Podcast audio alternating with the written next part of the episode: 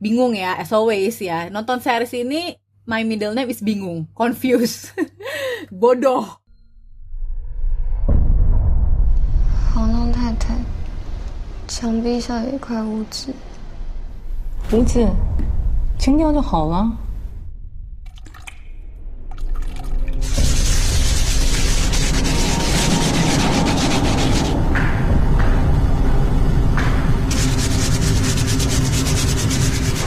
见就是不存在，看不见就是不存在。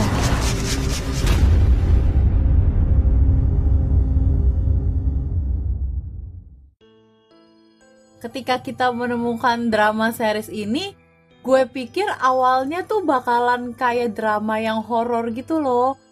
Eh, maksudnya apa sih berhubungan dengan hantu, berhubungan dengan arwah, roh-roh gitu kan. Ternyata pas ditonton series antologi ini, eh entah gue yang bodoh atau memang storynya tuh agak implisit gak sih? Menurut lo gimana? Emang lu yang bodoh aja sih menurut gue. Anjing, nggak mungkin. Nggak, memang. Banget. Memang Eh, IQ gue rendah deh. storynya ini kan kalau kita ngelihat ya gue juga pada saat nonton sebenarnya semi-semi bingung ya. Maksudnya ini mau arahnya tuh mau Hmm. ke mana gitu.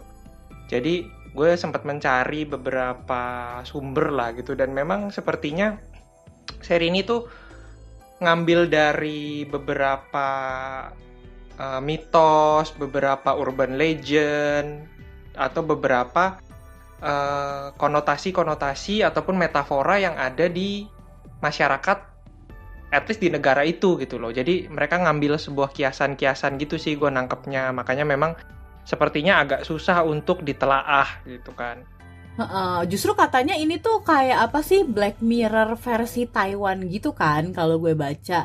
Terus memang story-nya tuh diambil dari tema-tema yang menampilkan ketakutan tersendiri. Maksudnya apa sih kayak your deepest deepest fear gitu loh kayak ketakutan terdalam lo sebagai manusia tuh apa gitu. Cuman eh, setelah nonton keseluruhan 7 episode, ya per episode sih sebentar ya singkat banget ya kayak 25 sampai 30 menit gitu kan. Maksudnya bukan tipikal yang drama panjang gitu. Terus juga udah gitu ada beberapa episode yang lebih main ekspresi gitu nggak sih Pak dibandingkan? Maksudnya kayaknya less dialog gitu loh tapi ekspresinya tuh yang ditampilkan banget. Kayak episode 2 sama 3 tuh menurut gua less dialog sih. Dikit banget dialognya. Di tiga ada sih, maksudnya kan ada cukup banyak dialog. Dua memang nggak terlalu banyak karena kan kita fokus dengan si perempuan ini yang hidup sendirian di kamarnya kan ya memang nggak nggak gitu ada percakapan di dalam scene itu gitu dan menurut gua sih ya memang harusnya gitu karena kalau dia ngomong sendiri di kamar kan jadi lebih kayak orang gila ya daripada daripada apa ekspresi gitu. Nah, sementara untuk yang episode 3 menurut gua Mhm. sih cukup ya. Maksudnya dengan dengan obrolan yang nggak terlalu banyak menurut gua malah menunjukkan mau ngomong apa sih si episode ini menurut gua. Oh, mungkin kalau di episode 3 gue merasa tidak terlalu banyak dialog itu karena suaminya tuh proporsi ngomongnya memang dikit aja ya dibandingkan si eh, istrinya kali. Jadi kok pas di awal tuh lebih main ekspresional dibandingkan dialog gitu. Sebenarnya kan kalau ngomongin metafora, kiasan gitu-gitu tuh dari episode 1 tuh gue sebenarnya juga udah dari udah agak bingung gitu loh. Kalau ngomongin Black Mirror kan sebenarnya Black Mirror itu mengangkat stigma gitulah ya, yang ada di dun- kehidupan sosial atau kehidupan bermasyarakat gitu kan dan diangkat jadi sebuah story dan menunjukkan kalau hal tersebut tuh bisa berbahaya untuk umat manusia gitu loh kalau disalahgunakan lebih ke arah situ kan sementara kok gue merasa episode 1 ini lebih kayak urban legend aja gitu gak sih Nah, ngomongin episode 1, gue aja udah bingung di episode 1. Dia tuh sebenarnya mau dibawa ke mana gitu kan. Karena gue nggak, gue agak-agak kurang mengerti sih di episode 1 ini. Jadi di antara sekian banyak episode, episode 1 ini yang lebih kayak eh, horror dan urban legend gitu nggak sih? Cuman story-nya gue nggak ngerti sih ini tuh maksudnya apa gitu di endingnya. Jadi kayak apakah kita sebenarnya eh, harus apa tanggung jawab sama apa yang kita lakukan gitu atau gimana? di ini ini di mana sih Taiwan, Hong Kong? Taiwan, Lupa. Taiwan. Taiwan. Nah, di Taiwan ini memang sepertinya ada mitos atau urban legend atau cerita rakyat gitu lah. Kalau orang yang mati misalkan kecelakaan gitu, arwah penasaran gitulah. Oh. Itu akan masuk ke dalam eh, time loop gitu atau lingkaran waktu terus menerus dan dia akan mengulang kejadian itu terus menerus sampai dia menemukan korban pengganti Mm-mm. itu sih yang gua yang gua tangkep Tapi kan Jadi- akhir Hah? kayak kayak nggak tenang gitu sih kayaknya sih cuma ya itu yang gue baca gua nggak tahu pernyataan itu bener atau enggak juga Tapi kan akhirnya tuh cewek yang nabrak dia kan, akhirnya kan kita tahu nih bahwa yang nabrak dia tuh temen kantornya dia gitu. Terus ketika ceweknya mati, berarti itu sudah selesai dong, karena dia kayak pengganti arwahnya si cowok itu ya. makanya episodenya habis juga kan I- nah iya makanya. makanya menurut gue gua menebak seperti itu. eh, pernyataan itu jadi masuk akal gitu yang gue baca itu karena ya memang habisnya pun di titik itu pada saat sudah korbannya berganti pindah selesai gitu episodenya nggak nggak ada penjelasan apa-apa lagi Iya, dan sekitar 20 25 menit ceritanya ya berulang di situ-situ doang ya kalau episode satu ini ya.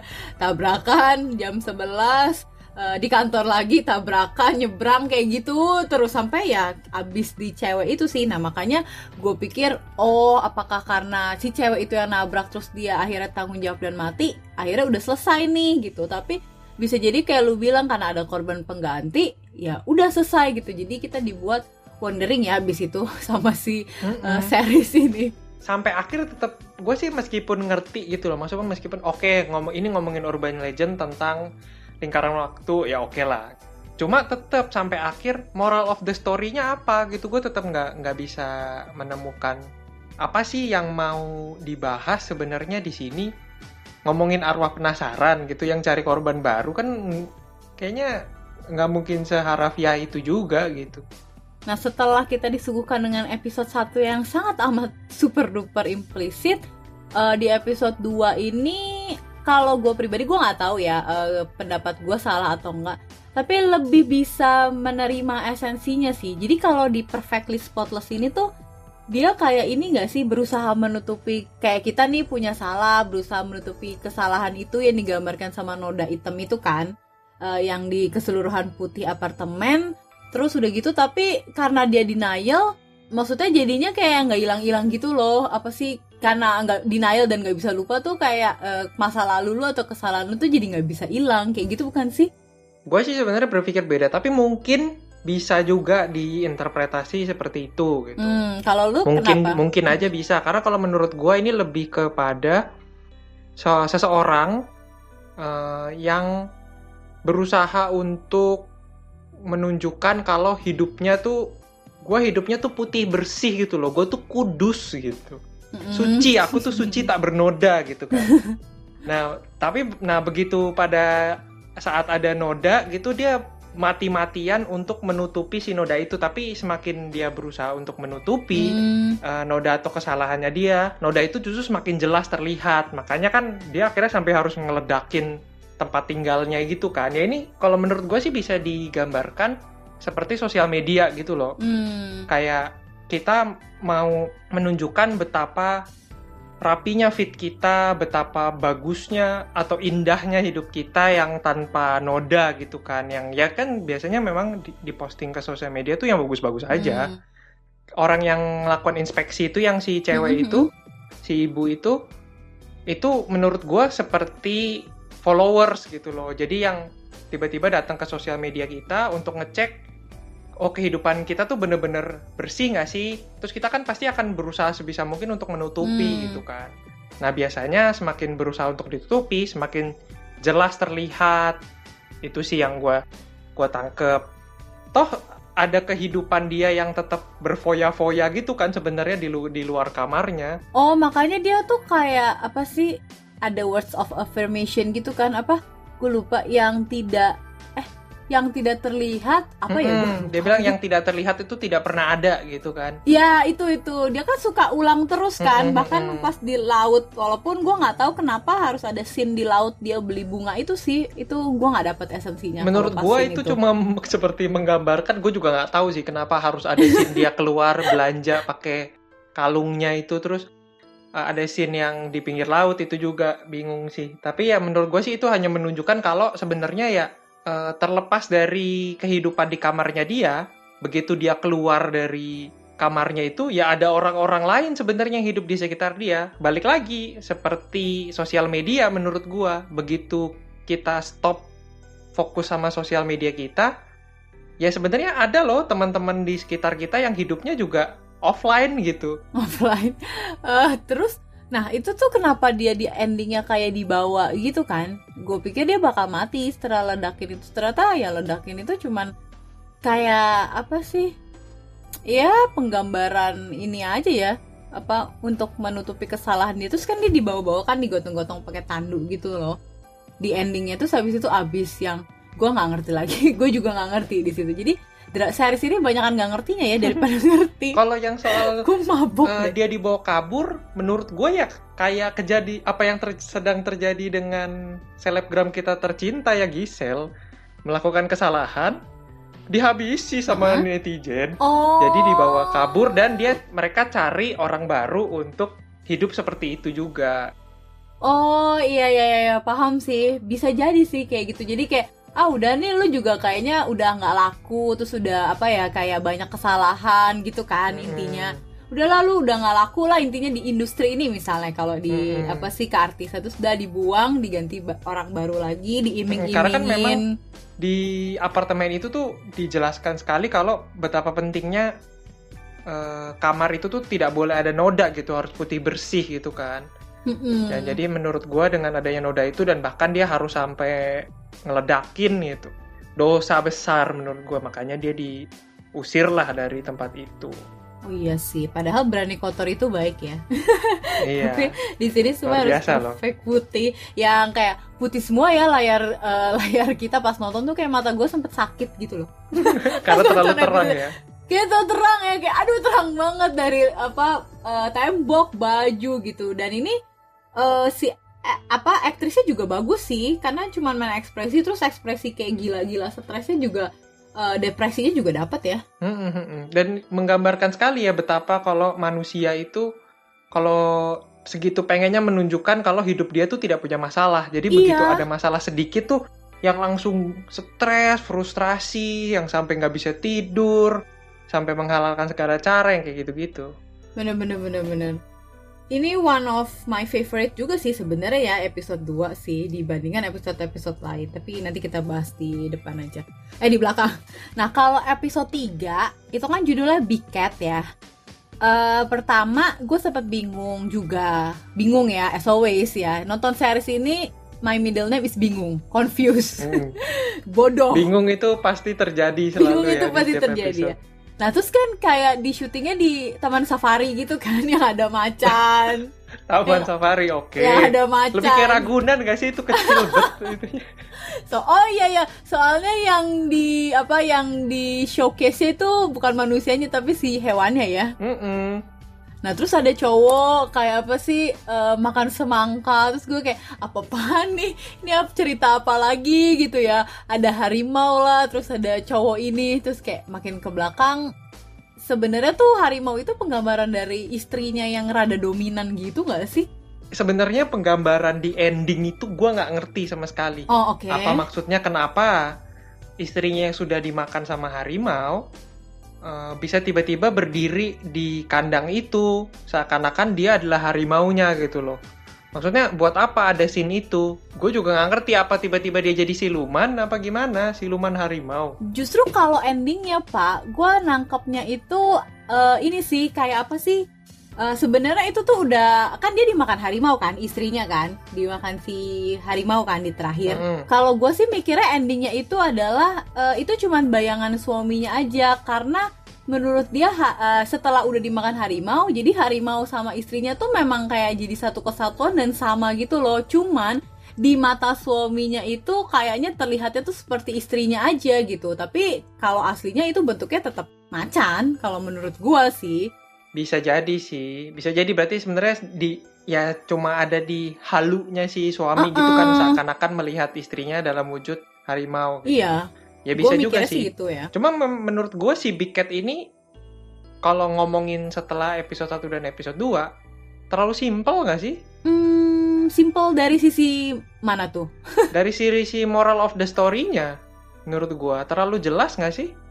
Kalau eh, ini kan lebih kepada orang baik yang jadi jahat karena tersakiti gitu kan? iya iya sih tapi kan dia bukan yang bunuh istrinya pak si suaminya Tapi kan dia mem- mem- memancing. Nah itu itu yang gue bingung. nah itu gue bingung tuh Ke- Kenapa dia tahu kalau istrinya bakal masuk ke kandang harimau? Hmm, tapi tuh sebelumnya dia kan kayak bawa daging gitu duluan kan ke macannya ya, baru istri sama selingkuhannya tuh masuk ke kandang harimau kan? Iya, cuma kan dia da- dalam kondisi eh, dia masuk ke kandang harimau itu eh, ngasih makan. Kita nggak tahu juga itu daging apaan nih. Oh. Yang terus dia seperti begitu istrinya masuk ke dalam situ, itu kayak udah tahu gitu loh. Maksudnya dia dia nggak kaget dengan kondisi istrinya dimakan sama harimau. Biasa aja gitu dia. Berarti menurut gue dia udah tahu kan. Dan de- kedatangan dia di apa eh, kebun binatang itu pun seakan-akan dia memang udah tahu istrinya mau pergi ke mana. Iya iya, nah gue tuh asumsi gue tuh kayak apakah dagingnya dicampur sama apa gitu ya untuk atraksi macan, tapi nggak nggak dijelaskan juga sih, jadi itu asumsi aja kan, pure asumsi kita gitu loh. Iya memang makanya karena menurut gua sebenarnya moral of the story-nya tuh gamblang banget, Hmm. tapi packagingnya yang aneh menurut gua. Terus yang aneh lagi ini sih kayak suka ada shoot-shoot apa ya dari point of view si macan gitu nggak sih? Yang kalau misalnya di apa kalau kita di series itu lihatnya kayak blur gitu loh gambarnya hitam putih itu tuh kayak Mhm. dari point of view-nya macan ya berarti ya. Iya iya, Nah itu tuh Nah, kayak itu kan, nggak ada esensi juga. kenapa gitu? Iya terus mm, agak panjang tapi oh kayak gue ngerasa pas ini oh gini doang gitu. iya iya sama Iya persis. sih? Gue juga ngerasa gitu pada saat selesai abis. Udah Iya terus terus gimana terus apa gitu? Iya kayak cer- ceritanya jadi cuman suami yang dizolimi sama istri gitu kan intinya terus kena azab istrinya dimakan macan gitu Mm-mm. udah itu doang terus gue kayak oh ya udah ya jadi ya udah moral story-nya cuma gitu doang terus sama Iya penggambaran makanya Heeh. Kalau ngelihat episode 1 dan episode 2, episode 3 ini malah jadi aneh gitu.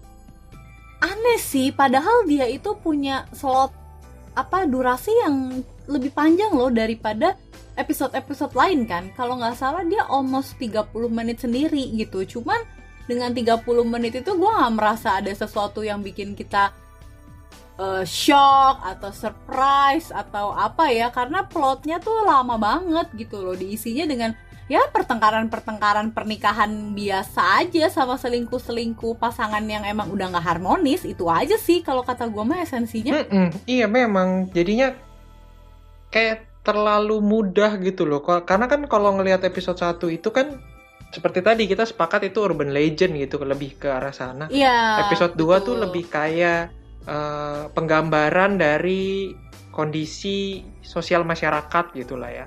Nah, tapi episode 3 ini cuma Mm-mm. kayak keributan rumah tangga aja gitu. gue pribadi sih topik ini atau tema seperti ini bukan ya wasn't really my cup of tea aja sih mungkin ada beberapa orang yang suka tapi gue pribadi sih kayaknya kurang deh ya terus untuk di episode 4 nah ini juga episode yang eh, cukup plot twist dan juga surprising pas ending sebenarnya Hmm, hmm, hmm. karena antara judul sama apa cerita kok Nggak nyambung. nggak nyambung gitu kan. Pertama karena judulnya No Pets Allowed gue pikir kayak oh ini ada hubungannya dengan apa sih eh, binatang atau apa gitu kan. Eh, terus digambarkan ya ada satu apartemen terus udah gitu juga. Ya biasa lah ya apartemen kalau lu kerja malam digosipin ya dinyinyirin sama ibu-ibu kaya gitu kan. Nah, tapi plot twistnya ini dimulai ketika si anak cewek ini gue pikir mengadopsi si kucing yang ada di jalanan itu, tau gak sih? Nah, kalau kalau kita ngelihat judulnya ya sebenarnya pada saat kejadian uh, mereka seakan-akan lagi berdiskusi mau miara kucing itu atau enggak, harusnya kita tahu kalau kucing itu sebenarnya nggak bakal di Masa sih? karena judulnya pun sudah menunjukkan no pets allowed gitu kan. Iya, ya. Jadi menurut gua sih pasti harusnya pada saat yang si anak perempuan itu ngomong dia akan pergi beli pasir harusnya gue udah curiga. Cuma pada saat gua nonton sih gua nggak merasakan kecurigaan apa pun kayak oh ya memang kucing aja gitu memang. Dia miara kucing. Kalau gue ngelihatnya tuh eh, justru memang dari percakapan mereka kan mereka udah kayak argue gitu kan antara si bocah yang laki sama bocah cewek ini untuk si piara binatang. Tapi bocah cewek ini kan kayak insist banget gitu loh pengen miara si kucing itu kan. Nah terus kita tuh kayak di shoot yang pertama di shoot ketika si bocah cewek ini kasih susu kan ke si kucing itu. Nah tapi habis itu kita nggak dikasih Hmm. lihat lagi tuh, jadi kita asumsinya oh mungkin diadopsi gitu kan. Nah yang kedua adalah ketika si eh, bocah cewek ini nggak masuk sekolah, terus kalau nggak salah si bocah cowok itu nyari-nyari tuh ke mana. Nah sempet di shoot juga kan, lewatin jalan yang ada kardus kucing itu. Tapi kita juga nggak di shoot tuh, kucingnya masih ada atau nggak di dalam. Jadi menimbulkan apa ya? Kayak menimbulkan misleading gitu loh buat kita. Jadinya ya kalau gue pribadi sih gue mikir dia tetap diadopsi loh, padahal kucingnya. gue sih udah enggak sih pada saat si cowok anak cowok itu lari dan kita dikasih shoot kardus Mhm. kucing itu gue udah tahu kucingnya masih di situ ternyata. Maksudnya kecil kemungkinan gitu kalau lu mau ngadopsi seorang hewan yang memang sudah ditinggalkan dalam kardus tapi lu pada saat lu bawa ke rumah lu gotong kan nggak mungkin. Kan udah jelas-jelas apartemen lu nggak bisa masukin hewan. Lu pasti bawa sama kardus-kardusnya untuk nutupin hewan itu supaya nggak kelihatan.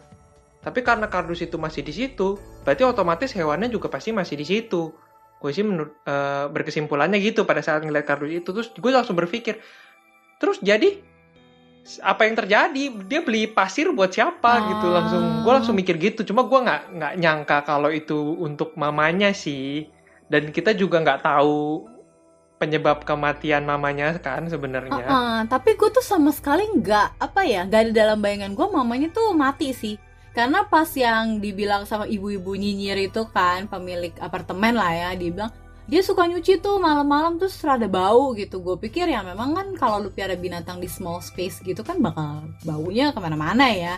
Ternyata pas dia udah nggak masuk gitu-gitu kayak ini kayaknya ada something yang aneh deh. Ternyata mamanya nah terus gue pikir anjir jujur mamanya dibunuh sama anaknya gitu kan tapi kayak mamanya overdosis gitu gak sih pak karena kan sebelum meninggal kayak minum panadol Iya, kayaknya sih sepertinya eh, yang paling masuk akal itu overdosis ya. Meskipun gue sebenarnya sudah agak curiga kalau kayaknya di kamar dia tuh nggak mungkin cuma gara-gara bau si kucing. Ini sebelum gue tahu kalau kucing itu ternyata Hmm. tidak jadi diadopsi dan masih di kardus di Hmm. luar ya.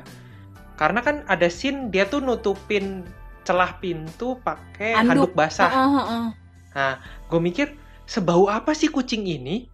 Ah. sampai lu harus nutupin semua celah pintu lu gitu loh. Kalau memang misalkan bau di lorong luar ya mungkin masih masuk akal gitu kan. Mm-mm. Tapi kenapa lu sampai harus tutupin sampai dalam gitu? Kenapa lu nggak berusaha membuat ruangan lu lebih harum atau gimana gitu atau mandiin si kucing Hmm. apa gimana gitu itu sih yang gue scene itu aneh banget buat gue yang dia nutupin handuk itu nutupin celah pintu pakai handuk itu menurut gue aneh banget sih. Dan gue langsung curiga sepertinya ada sesuatu di kamarnya dia sebenarnya. Tapi tetap tidak menyangka kalau mamanya mati.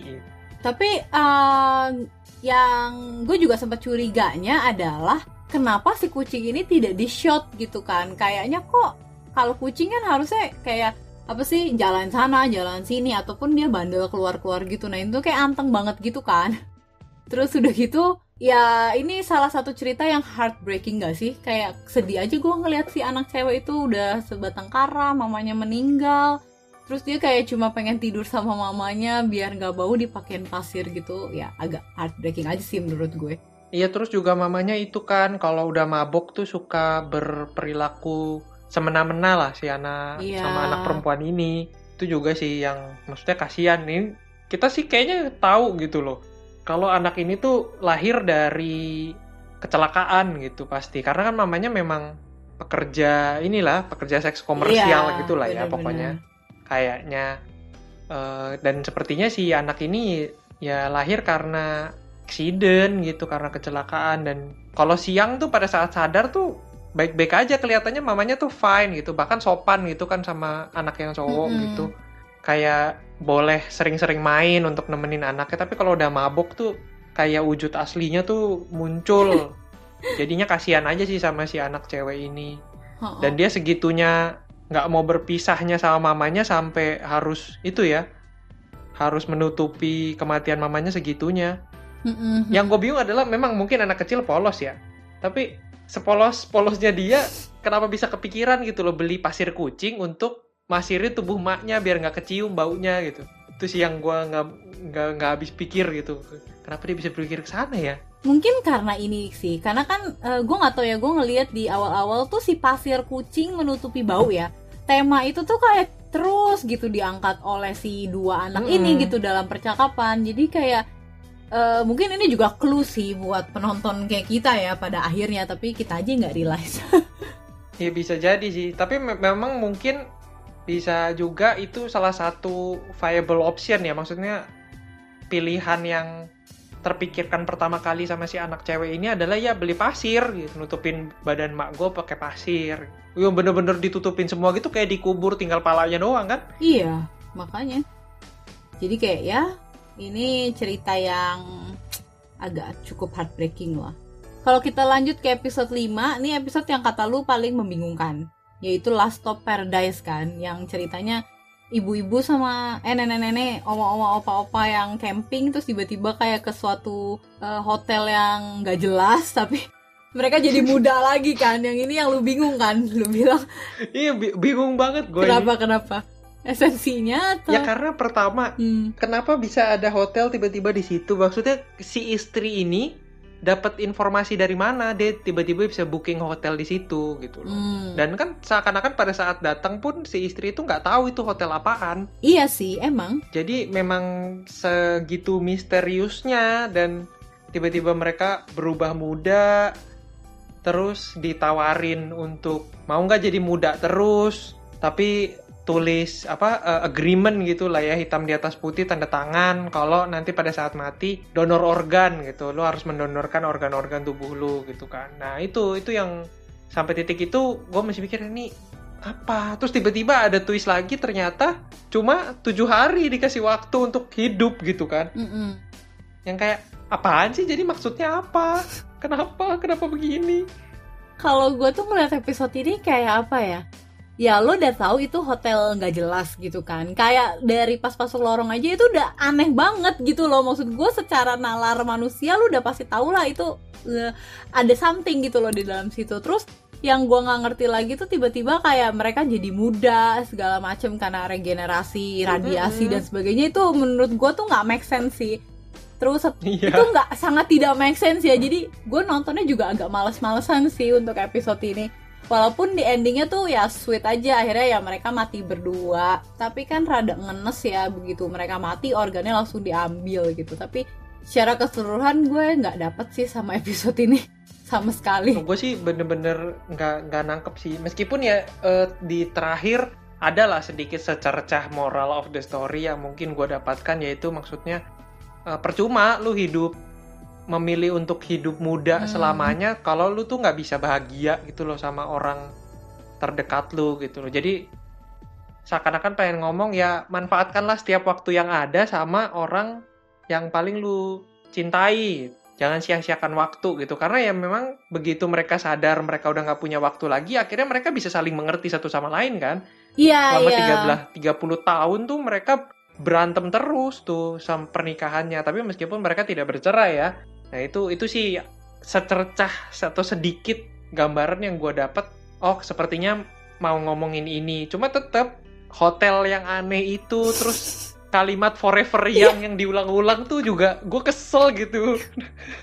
Masalahnya gue paling kesel gayanya si eh, karyawan itu kalau forever yang itu kayak anjing Pengen gue ngomong kayak gitu tau tiap dia Ini apa sih maksud lo? Tuh kayak ini cringe banget super. Jadi ya gitu ya udah gak ngerti ceritanya Cringe lagi. Terus tapi ya cukup oke aja lah ya Ini mah se uh, series yang episode uh, 5 ini. Sebenarnya ya ya lumayan sih. Maksudnya kalau bener kesimpulan yang gue ambil itu bener ya sebenarnya bagus. Cuma kenapa harus mengambil set mereka datang ke sebuah hotel terus jadi muda terus donor organ gitu loh.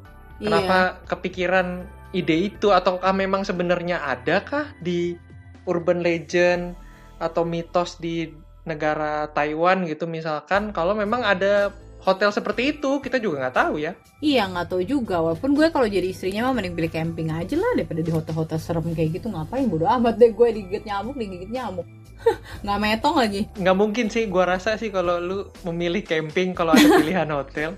Tapi kan hotelnya serem ya pak ya. Apalagi kayak weirdo gitu karyawannya. Mending gue camping aja lah daripada gue mati. Lanjut ke episode 6 nah episode 6 itu hampir sama gak sih kayak uh, episode-episode yang ada di social syndrome ya sebenarnya si login trouble ini? Soalnya ceritanya tuh kayak hmm, sosmed kurang lebih ya gitu-gitu. sebenarnya. Tapi ya memang premisnya beda sih menurut gua. Uh, isu yang diangkat menurut gua beda. Karena kan kalau di social syndrome yang ini ya yang si anak kecil itu kan yang hidup di sosial media sampai gede. Ya hampir-hampir sama aja sih walaupun tidak sama persis ya. Mm -mm. kalau itu kan lebih kayak eksploitasi mm -mm. anak ya kalau itu. Uh, untuk hidup jadi selebgram gitu tapi kalau yang ini kan lebih kepada seseorang yang tidak pede sama dirinya berusaha ngambil identitas orang lain kan selebgram mm -hmm. gitu kan lebih ke situ kan sebenarnya cuma yang gue bingung adalah kenapa kalau lu cinta sama ini kepada cowoknya mm. sih kalau lu cinta sama pasangan lu, meskipun dia tergila-gila sama sosial media, kenapa harus lu bunuh sampai kayak gitu sih? Itu sih yang jadi pertanyaan hmm, gue. Tapi bukannya segitu jealousnya anda gitu? Maksudnya dia bunuh cowoknya ya? Enggak, bukan. Yang cowok ini ngebunuh yang si oh, Lily iya, iya. itu. Nah itu kalau cowoknya ngebunuh Lily itu gue juga nggak ngerti kenapa. Maksudnya dia kan cuman memang pekerjaannya itu, terus dia memang suka foto-foto gitu kan. Terus kenapa kayak lo harus bunuh sampai sebrutal itu? Gue juga nggak ngerti sih esensinya. Uh, gini, kalau kalau cuma mau digambarkan menurut gue, kalau cuma mau digambarkan dia mm -hmm. jealous, terus dia ngebunuh si Lily, gue masih bisa terima. Hmm. Tapi masalahnya begitu ada orang yang mengambil identitas hmm. Lily, dia juga kesel sama iya. orang itu. Lah kan lu udah bunuh.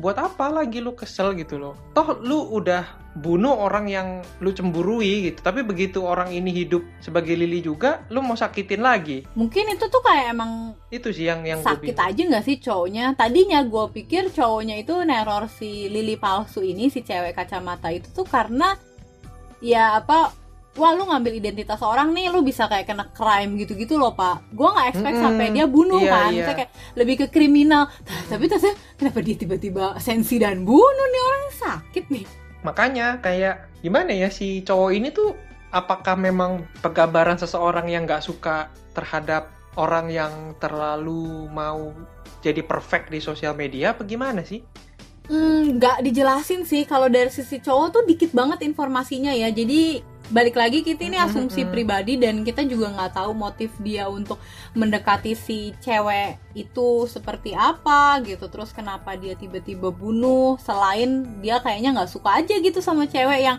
uh, hidupnya terekspos seperti itu gitu. Jadi nggak balik lagi gue nggak dapet sih sebenarnya uh, kalau kalau dia memang semata-mata misalkan gini ini teori gue ya uh. kalau dia semata-mata ngebunuh orang yang memang udah ketagihan sama sosial media gitu jadi dia nggak hmm. suka orang terlalu tergantung sama sosial media dan kebagus-bagusin hidupnya gitu loh terus dia ngebunuh itu gue masih bisa menerima mungkin memang ada orang dengan gangguan seperti itu gitu tapi masalahnya hmm. kan ini yang dia bunuh adalah pacarnya sendiri gitu itu yang gue bingung sih karena ya orang yang paling lu sayang gitu loh. Terus lu cari pacar baru untuk lu bunuh lagi. Itu sih maksudnya. Kalau stranger sama stranger ya mungkin gue masih bisa menerima oh mungkin ini serial killer aja gitu kan. Yang nggak suka dengan konsep seperti itu atau pola-pola orang yang hidupnya kayak gitu. Cuma karena karena yang dibunuh itu kekasihnya ya jadi bingung gue malahan Terus tapi gue memang udah ini sih udah feeling kalau misalnya si cowok ini juga pasti ada something tuh dari awal. eh, maksudnya ya nggak mungkin ya ada cowok sebaik itu tiba-tiba kayak gitu tuh kayak udah apa sih premis yang ya udah biasa lah ya kita dapetin gitu loh Iyalah, jadi nggak nggak lah ya. mungkin ah, nggak mungkin se happy ending dan se eh, apa fairy tale itu gitu loh endingnya pasti ada something cuman eh, di endingnya ya tetap aja bisa aja eh, ke expose atau blow upnya dengan live streaming lagi maksud gua kayak itu udah Hmm. rada boring aja ya premis-premis kayak gitu tuh udah sering kita lihat Sama. di Well, beberapa Gimana ya? Kalau menurut gua sih mungkin kita merasa itu boring karena kebetulan kita nontonnya kejadian yang mirip tuh agak beruntun gitu kan. iya iya Kemarin iya. baru nonton Social Syndrome, terus sekarang kebetulan di sini juga ada lagi di Till Death Do Us Part ini kan. Heeh. Menurut gue itu yang bikin kita ah gini gini lagi. Masalahnya kalau nonton seri lain kita nggak ketemu sebenarnya adegan itu. iya sih jadi mungkin Adegan handphone kebanting tiba-tiba jadi live streaming itu tuh gak ada. Iya, maksud gue kayak dari mana lu bisa sempat pencet eh, buka IG dulu, buka live streaming, terus lu unlock code dulu kan repot banget deh itu udah mau mati, weh gitu loh maksud gue. Iya Repot, makanya. repot banget tangan juga pasti tremor gitu kayak udah deh. Tiba-tiba Mm, pas terus eh, seberapa kem- seberapa kemungkinannya sih handphone lu jatuh ke lantai terus tiba-tiba jadi buka IG live gitu loh. Iya, terus udah gitu pasti dalam posisi yang sempurna kan. Maksudnya yang kameranya tuh Mm-mm. nge-shooting kita. Padahal bisa aja ya tumpleknya. Kameranya nge-shoot ke pintu gitu Iya, misalkan atau atau ke ke jendela plafon, gitu kan kitanya iya. nggak kelihatan. Jadi mungkin Terus ya. komen-komen netizennya juga bangsat-bangsat sebenarnya ya. Iya, iya, iya. Jadi Yang- kayak Orang udah tahu lagi nusuk-nusuk orang terus dia bilang, "Ah, dia sudah mati." Eh tunjukkan bokong lu dong. Apaan sih Iya, anjing? iya, Ini orang iya. lagi ke dalam kondisi sekarat ini.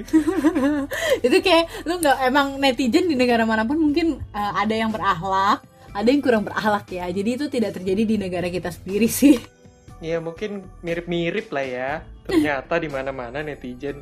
nah untuk last episode ini episode yang paling gua nggak suka loh sebenarnya tunnel ini gua ketika apa dengar judulnya gua expect something yang lebih wah something yang lebih apa ya kayak horor atau uh, kejadian apa gitu tapi ternyata pas ditonton hah cuma kayak komedi picisan gitu gak sih eh apa romansa picisan gitu gak sih kayak antara cowok dan cewek Hmm, gue sih malah merasa ya mungkin penggambarannya nggak gitu bagus ya sebenarnya di episode 7 ini. Tapi menurut gua Hmm? ini sangat masuk akal menurut gua. Kayaknya di dunia nyata juga kejadiannya banyak sih seperti ini di mana orang dengan gangguan, orang dengan gangguan kan si cowok ini punya gangguan apa ya?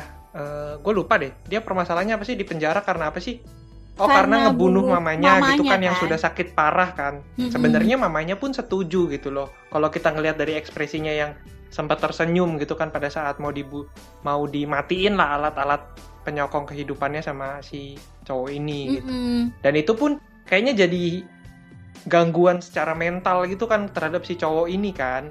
Yang dia pun terus ngomong ke polisi yang interogasi dia tuh ngomong lu nggak akan ngerti, gue juga nggak nggak pengen lu ngerti gitu loh Mm-mm. ya kan jadi memang sepertinya dia terganggu secara mental dengan keputusannya untuk mengakhiri hidup si mama gitu kan Mm. dan si cewek pun begitu mengalami gangguan mental karena merasa udah nggak bisa jadi penari lagi kan setelah kecelakaannya dilalui jadi menurut gue ya di dunia ini banyak gitu orang dengan gangguan yang serupa yang mirip-mirip ketemu terus merasa relate gitu loh dan jadi pasangan.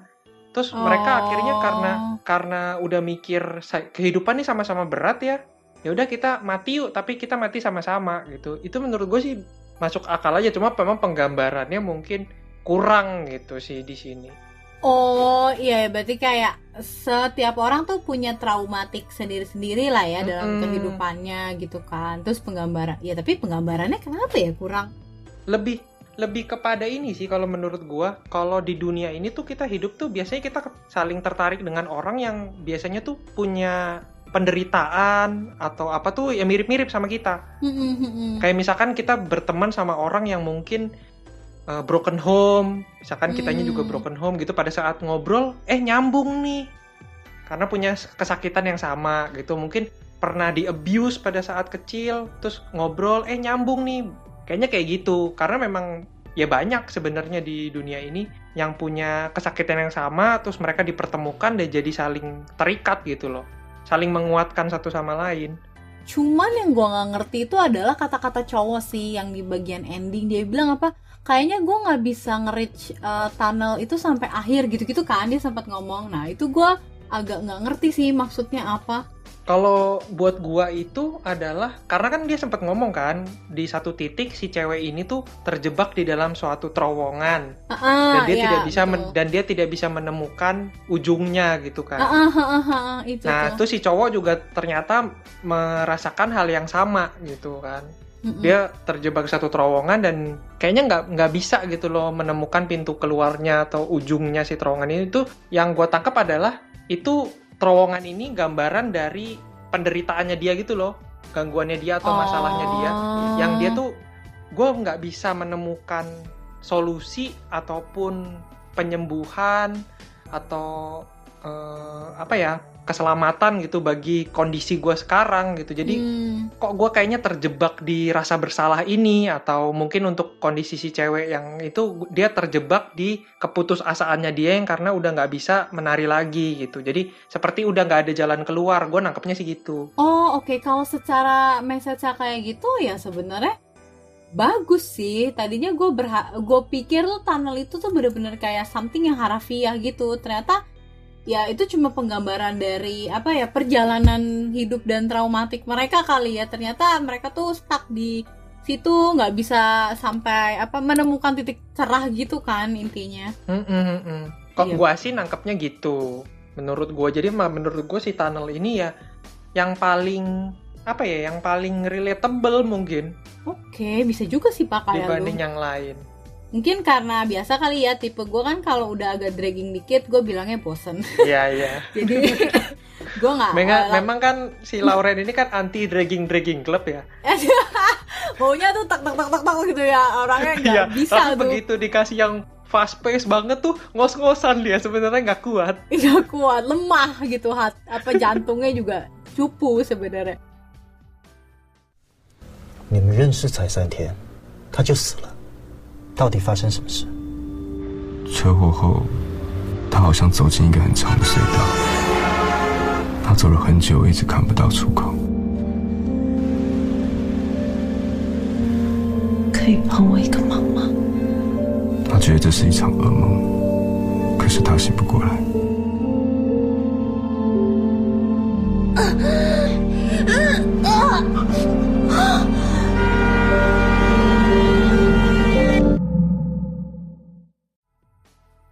Nah kalau dari ketujuh episode itu mana yang menurut tuh paling oke kayak top 2 episode buat lu deh Ini ngomongin tentang menurut gua penyajiannya paling bagus atau menurut gua yang paling gua suka. Eh mungkin yang paling lu suka sih jadi kayak subjektif aja penilaiannya Kalau ngomong yang paling gua suka sih sebenarnya gua tuh paling suka yang bentar.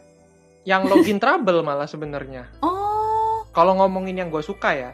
Tapi kalau menurut gue yang paling bagus itu sebenarnya perfectly spotless. Menurut gue paling bagus maksudnya penggambarannya tuh paling bagus gitu. eh gue juga surprisingly sependapat sih top 2 episode yang paling gue eh, suka juga dua itu kebetulan karena mungkin kalau dari sisi gue yang paling gue ngerti kali ya message yang bisa didapat gitu jadi itu yang gue pilih untuk eh, top 2 gitu tapi basically secara overall menurut lu dari series ini kesimpulannya apa? Ya sebenarnya kan eh, menurut gue sih series ini tuh kayak menggambarkan sebuah konotasi-konotasi kehidupan di masyarakat kita. Memang ada beberapa yang mungkin mengangkat isu mitos-mitos ataupun urban legend di negara tersebut, which is di sini itu negara Taiwan gitu kan. Hmm. yang mungkin kita sebagai penonton nggak gitu bisa relate gitu yang mungkin di negara kita nggak ada sebenarnya urban legend kayak gini kita nggak bisa nyambung kenapa sih kejadian itu tuh bisa mengakibatkan hal seperti itu gitu kan Nah, tapi menurut gue sih secara garis besarnya ya ini menarik sih sebenarnya untuk kalau ngomong Black Mirror Asia gue nggak bisa bilang ini bener-bener seperti Black Mirror tapi at least dia tuh bener-bener menggambarkan berhasil lah gitu menggambarkan seberapa darknya sih kehidupan manusia itu sebenarnya.